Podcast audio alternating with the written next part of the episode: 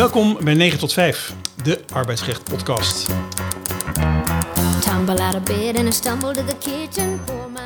Het is vandaag 28 oktober 2022 en inmiddels maken wij podcast nummer 28. Naast mij zitten Elise van Nes van Legalitas Advocaten en Christian Zinger-Molenaar van Zilver Advocaten. En ik ben Arthur Knipping van Vespa Advocaten. Vandaag gaan we het hebben over de vraag of je een werknemer mag ontslaan naar aanleiding van een door haar geschreven boek. Deze vraag is actueel omdat de Hoge Raad zich onlangs, namelijk op 7 oktober jongsleden, heeft uitgelaten over een ontslagen werknemster van het ROC Nijmegen. Elise, wat was hier aan de hand? Eh, het is een werknemer die eh, bij het ROC werkte en eh, besloot een boek te gaan schrijven over de onderwijsvernieuwingen. Dat heeft ze wel van tevoren netjes gevraagd. En haar werkgever gaf ook in eerste instantie aan dat het goed was, als het maar niet te herleiden was aan, eh, aan werkgever en als er geen negatieve zaken over eh, werkgever en collega's eh, werden genoemd. Ehm, de werkgever heeft wel aangegeven dat hij wel begreep dat het herleiden was aan het ROC. maar het mocht niet beledigend of ehm, eh, onethisch zijn. Ehm, het boek werd vervol- oh ja, daarna kwam er nog, is nog heen en weer gecorrespondeerd tussen werkgever en werknemer. Daarna heeft zij zonder overleg het boek gepubliceerd. En eh, daarin staan een aantal eh, ehm, ja, zaken over collega's. En eh naar aanleiding van de publicatie zijn heel veel collega's die zich daardoor onveilig voelden. En daarna is ze dus ontslagen op basis van een arbeidsconflict, verstoorde arbeidsverhouding. Dat heeft stand gehouden bij de kantonrechter en bij het Hof, waarbij er een billijke vergoeding is uitgesproken van 40.000 euro. Zij is naar de Hoge Raad gegaan in cassatie.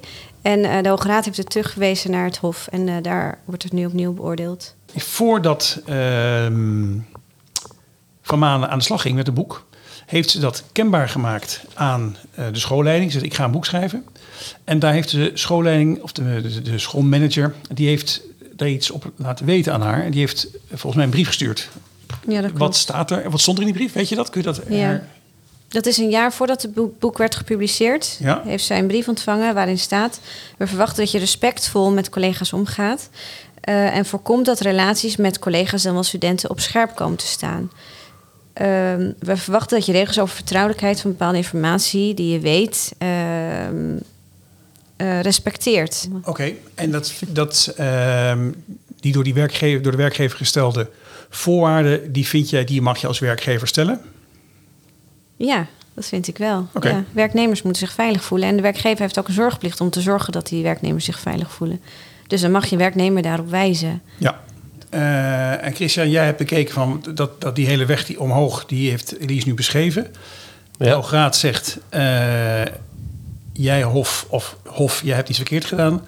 Wat is daar verkeerd gegaan? Waarom moet het naar een ander Hof worden verwezen? Ja, nou, we hebben het hier ten eerste natuurlijk over grondrechten. Dus dan hebben we het over artikel eh 7 van de grondwet expliciet, vrijheid van meningsuiting, en artikel 10 van het Europese Verdrag voor de Rechten van de Mens. Ja. En ja, dan, ik heb altijd geleerd eh, dat eh, ja, grondrechten iets is tussen de staat en de burger. En dat het niet direct doorwerkt in een eh, verhouding tussen twee civiele partijen. Dus in dit geval de werkgever aan de ene kant en de werknemer aan de andere kant. Alleen als je in de rechtspraak kijkt, dan zie je dat dat toch een beetje doorcijpelt ook in die arbeidsverhouding. En in ieder geval is er rechtspraak van het Europees Hof voor de Rechten van de Mens, want daar hebben we het hier over.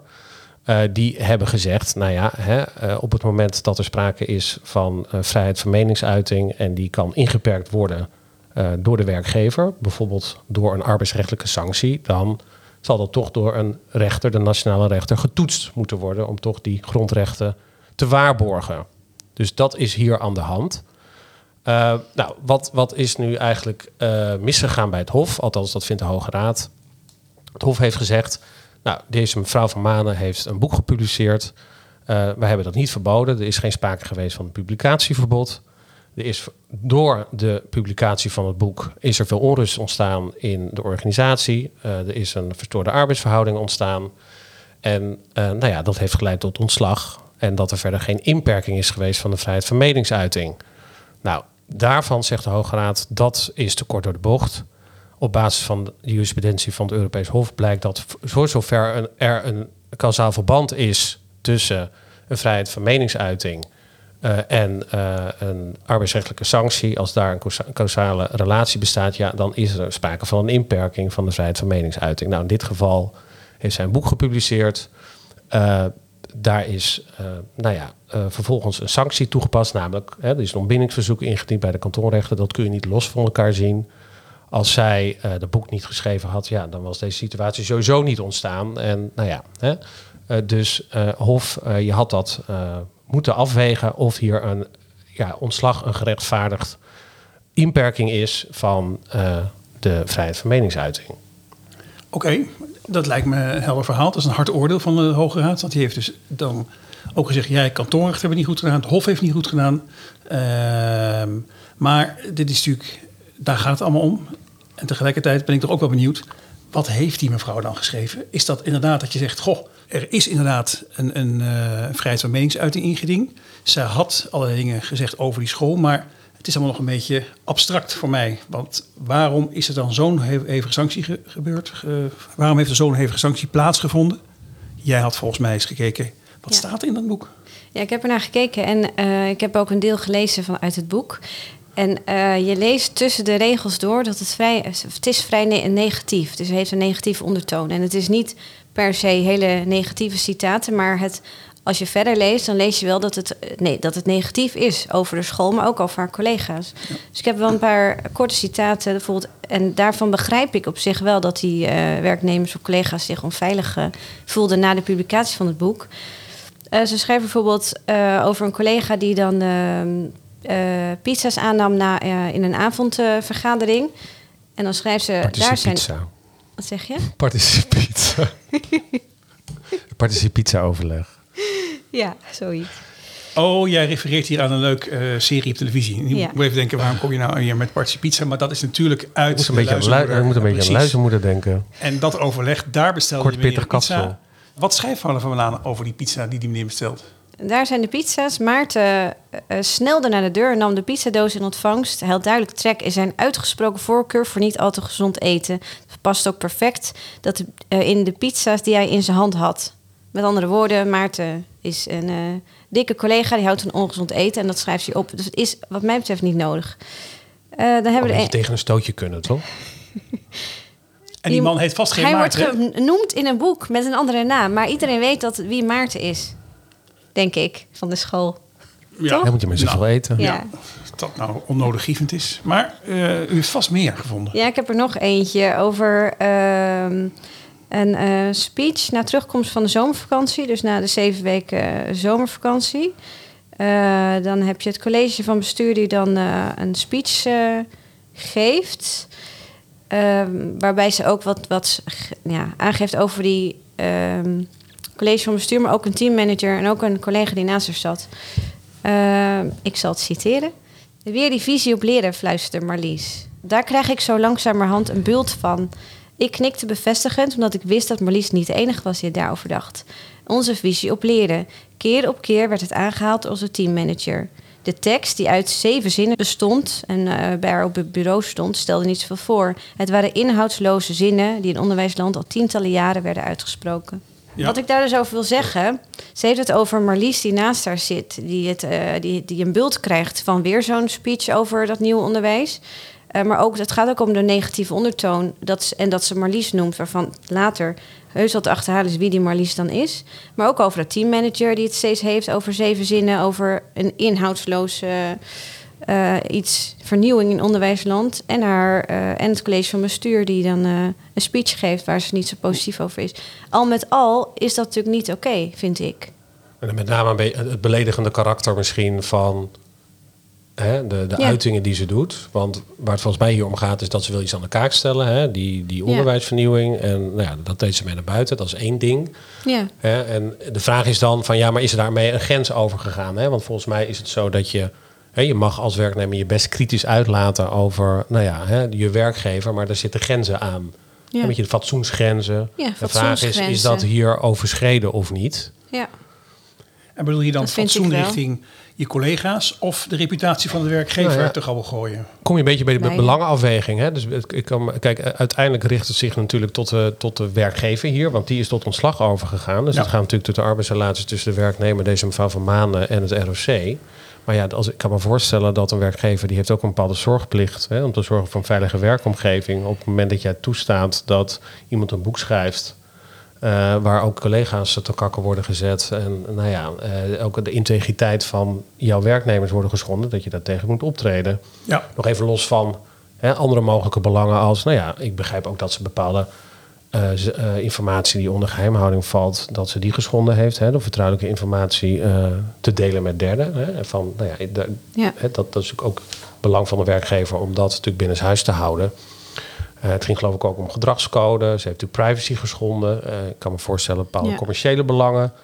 Wat een werkgever heeft, misschien bij ROC wat, wat minder hè, commercieel belang. Maar kan me even, als je het iets breder trekt. Hè, als het ging om, een- om een, gewoon een commercieel bedrijf, kan me voorstellen dat een werkgever zegt: eh, Nou ja, goed, hè, wat je nu allemaal zegt, dat, eh, daar leiden wij reputatieschade door. Ja.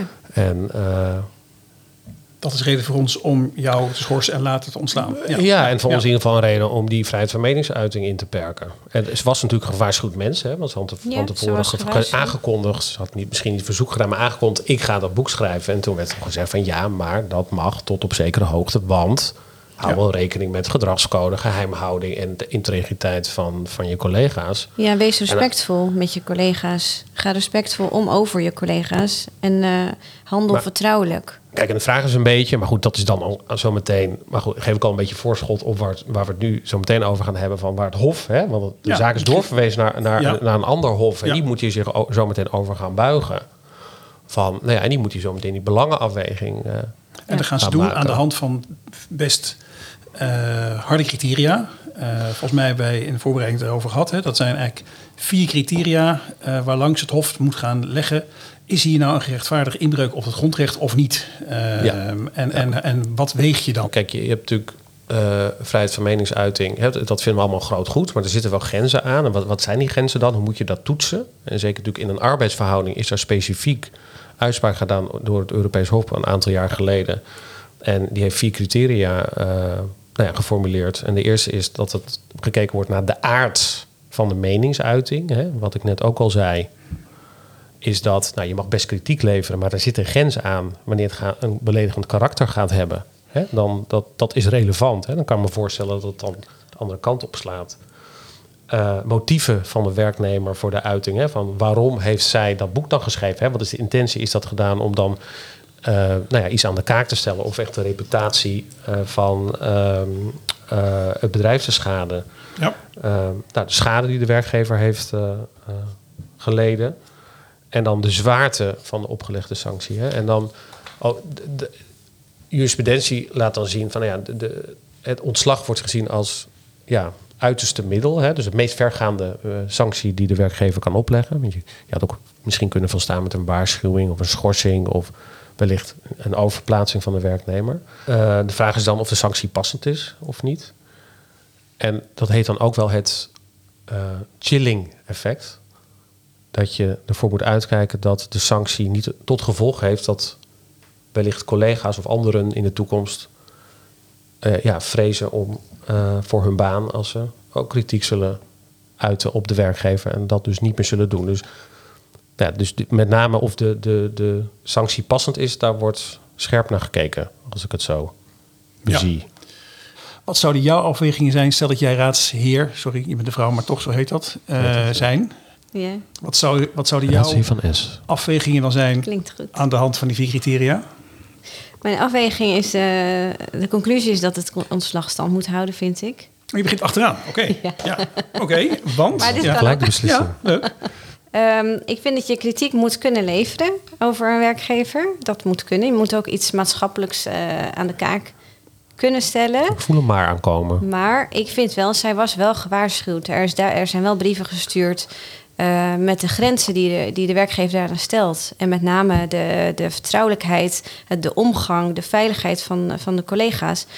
En dus ze was gewaarschuwd. Ik vind dan had zij, eh, als zij twijfels had over bepaalde passages die niet heel erg mm, bijdragen aan een maatschappelijk debat, dan had ze dat wel even kunnen voorleggen aan de werkgever. Ik vind dat zij daarin ook een, een verplichting heeft als werknemer. En dat heeft ze niet gedaan. Dus als je dat dan afweegt tegen het feit dat, dat die werkgever er ook niet om heeft gevraagd, wat ik als werkgever wel zou, eh, eh, zou doen, ehm, ja, vind ik dat het ontslag wel eh, sowieso wel stand moet houden. Eh, dus je mag kritiek leveren, maar waar zitten dan de grenzen? Nou ja, als het beledigend wordt of als collega's te herleiden zijn wie dat dan zijn. Want die willen niet in het boek voorkomen. Dat draagt ook niet bij aan, aan iets maatschappelijks aan de kaak stellen. Collega's afvallen. Oké, en dus jij daarin zegt, gaat ze over een grens. ja, dus jij zegt, had ze zich beperkt tot de kritiek op de methodiek, op de wijze waarop Ja. het onderwijs wordt gedaan, zonder dat dat eh, met, je noemt het even een pizza dit of, of, of dergelijke, eh, wat scherpe randjes, zeg je, nou, dan had ik er anders naar gekeken. Het, het collegiale aspect en het afvallen van je collega's, of misschien wel beledigen van je collega's, dat vind jij een reden om te zeggen, je Ja. gaat over een grens. Ik vind dat daarin is, wordt wel een verstoorde arbeidsverhouding gecreëerd. Wat niet nodig is als je alleen iets maatschappelijks aan de kaak wil stellen. Ehm, ja, als je dat dan. dan ja, ik, ik vind dat dan wel een terecht, eh, een terecht eh, verstoorde arbeidsverhouding. En ook een terecht ontslag. Christian, Ja, daar? ik, heb, ja ik, ben, ik zie het toch iets genuanceerder misschien. Ik snap wel eh, dat... Kijk, ik heb, la- laten we vooropstellen, ik heb het boek niet gelezen. Dus ik, ik hoor nu een aantal citaten van Elise en dan ik moet daarom lachen. Maar goed, het gaat ook niet om mijzelf. Dus ik kan me ook wel iets bij voorstellen dat als je dat over jezelf leest... dat je denkt van, nou ja, hè... En dan Nee, wordt dan, ja. werknemers voelen zich onveilig. Hè? eh, en ik, ik, nou ja, kan me wel iets bij voorstellen, ehm, maar ja, ik, ik vind het vrijheid van meningsuiting vind ik, is ook een groot goed. Ze heeft het volgens mij niet geschreven eh, met als doel om je anderen te, kwest, te kwetsen, maar juist om iets aan de kaak te stellen. Ja, mag ja, en dan, en dan, dan ja. Waarom noemt ze dan dat Marloes ook bevestigend knikt over, over hun speech? Dat is nog niet nodig. Ja, het is niet nodig. Maar ja, weet je, we hebben geen censuurverbod. Hè? Dus kijk, het is wat, wat ik een beetje van begrijp, ook een beetje op een soort van ja, anekdotische wijze geschreven. En dan ontkom je natuurlijk niet aan dat je daar ook een beetje met een knipoog over, over schrijft. Ja. Kijk, Ja. als je, hè, dat heeft ook een grens natuurlijk. Hè? Dus, maar wat ik gehoord heb, denk ik, nou ja, is het zo beledigend, weet ik niet. En eh, volgens mij waren haar, eh, haar motieven ook niet zodanig dat ze erop uit was om mensen heel diep te kwetsen. En dan, dan nog vraag ik mij af of dan ontslag een passende, passende sanctie is in dit geval.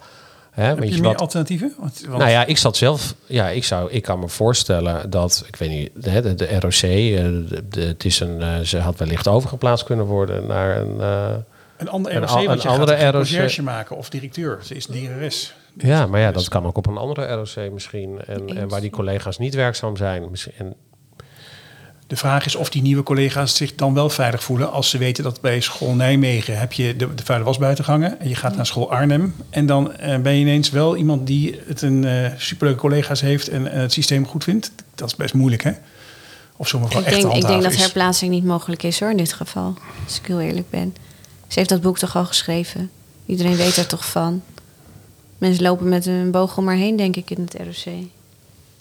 Maar goed, uiteindelijk is dat. eh, Het Hof, het verwijzingshof, moet hier, iets over vinden. Ja. Uiteindelijk. Maar en beide Ja. vinden jullie dus dat het, dat het zomaar zou kunnen zijn dat het Hof het ontslag in stand houdt. Ik vind van wel. Ik denk het Los wel. van vergoedingen weet ik wat. Ja? Jij, Ja. jij Nou, duidelijk ik, wel. ik ben er niet zo overtuigd Nee? van. Ik bedoel, nee, ik, en we hebben het hier dus ook over de, de ontbinding. Het gaat niet om of er wel of niet een verstoorde arbeidsverhouding is. Ik bedoel, volgens mij is dat er wel. Maar het gaat erom van, is dit in het licht van eh, het feit van meningsuiting... is dit een passende sanctie geweest of niet? Ja. En Ja. nou ja, daar kan ik me wel bij voorstellen dat, je, dat daar twijfels bij bestaan. ja, twijfels, dat snap ik. Kan ik En dat je op de basis daarvan zegt, ja, dat is een te ingrijpend middel geweest. Dus in dit geval, ja, hè, eh, met het oog op feit van meningsuiting is een groot goed. Eh, zij, eh, nou ja, dat rechtvaardigt niet een ontslag. Dus, Dus nou ja, dan krijg je de gekke situatie dat je zegt, ze blijft in dienst, het wordt teruggedraaid. Het is Ja. wel een verstoorde arbeidsverhouding, hè? maar goed, dan krijg je natuurlijk een hele andere discussie. Maar da- ja, daar gaat het in principe nu niet om, volgens mij. Het gaat van- meer om van ja, in hoeverre is dit een, een gerechtvaardigde inperking op de vrijheid van meningsuiting. Want wat is anders nog dat grondrecht waard? Als dat betekent van, nou ja, hè? Ja, maar zij had, ook, ze had het ook op een andere manier aan de kaak kunnen stellen. En ze had het boek ook op een andere manier kunnen schrijven. Het was niet nodig om haar collega's hierin mee te sleuren. vind ik. Ja, aan de andere kant, ja, ze, kijk, ze heeft natuurlijk geen, het is geen publicatieverbod geweest. Hè? Ze mocht het nee, maar wat denk je wat er nu met Marloes gebeurt? Die wordt toch ook aangesproken dat zij bevestigend negatief knikt over, over een speech van een college van bestuur.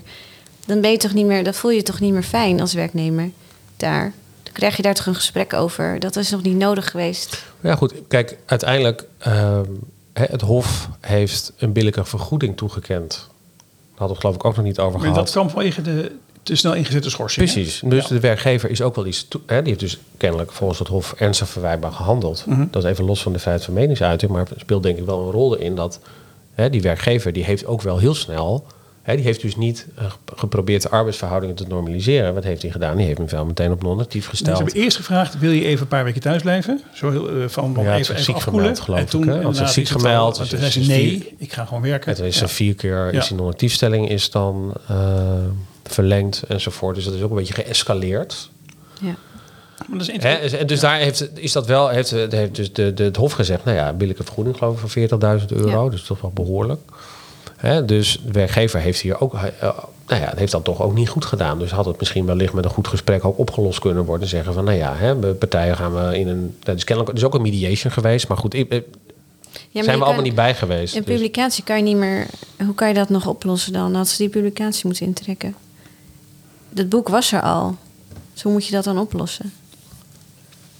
Nou ja, eh, weet ik ook niet. Kijk, ik heb de inhoud precies niet gelezen om te zeggen van nou, wat heeft ze tegen wie wat gezegd. Hè? Maar goed. Ik heb ook niet het hele boek Nee. gelezen.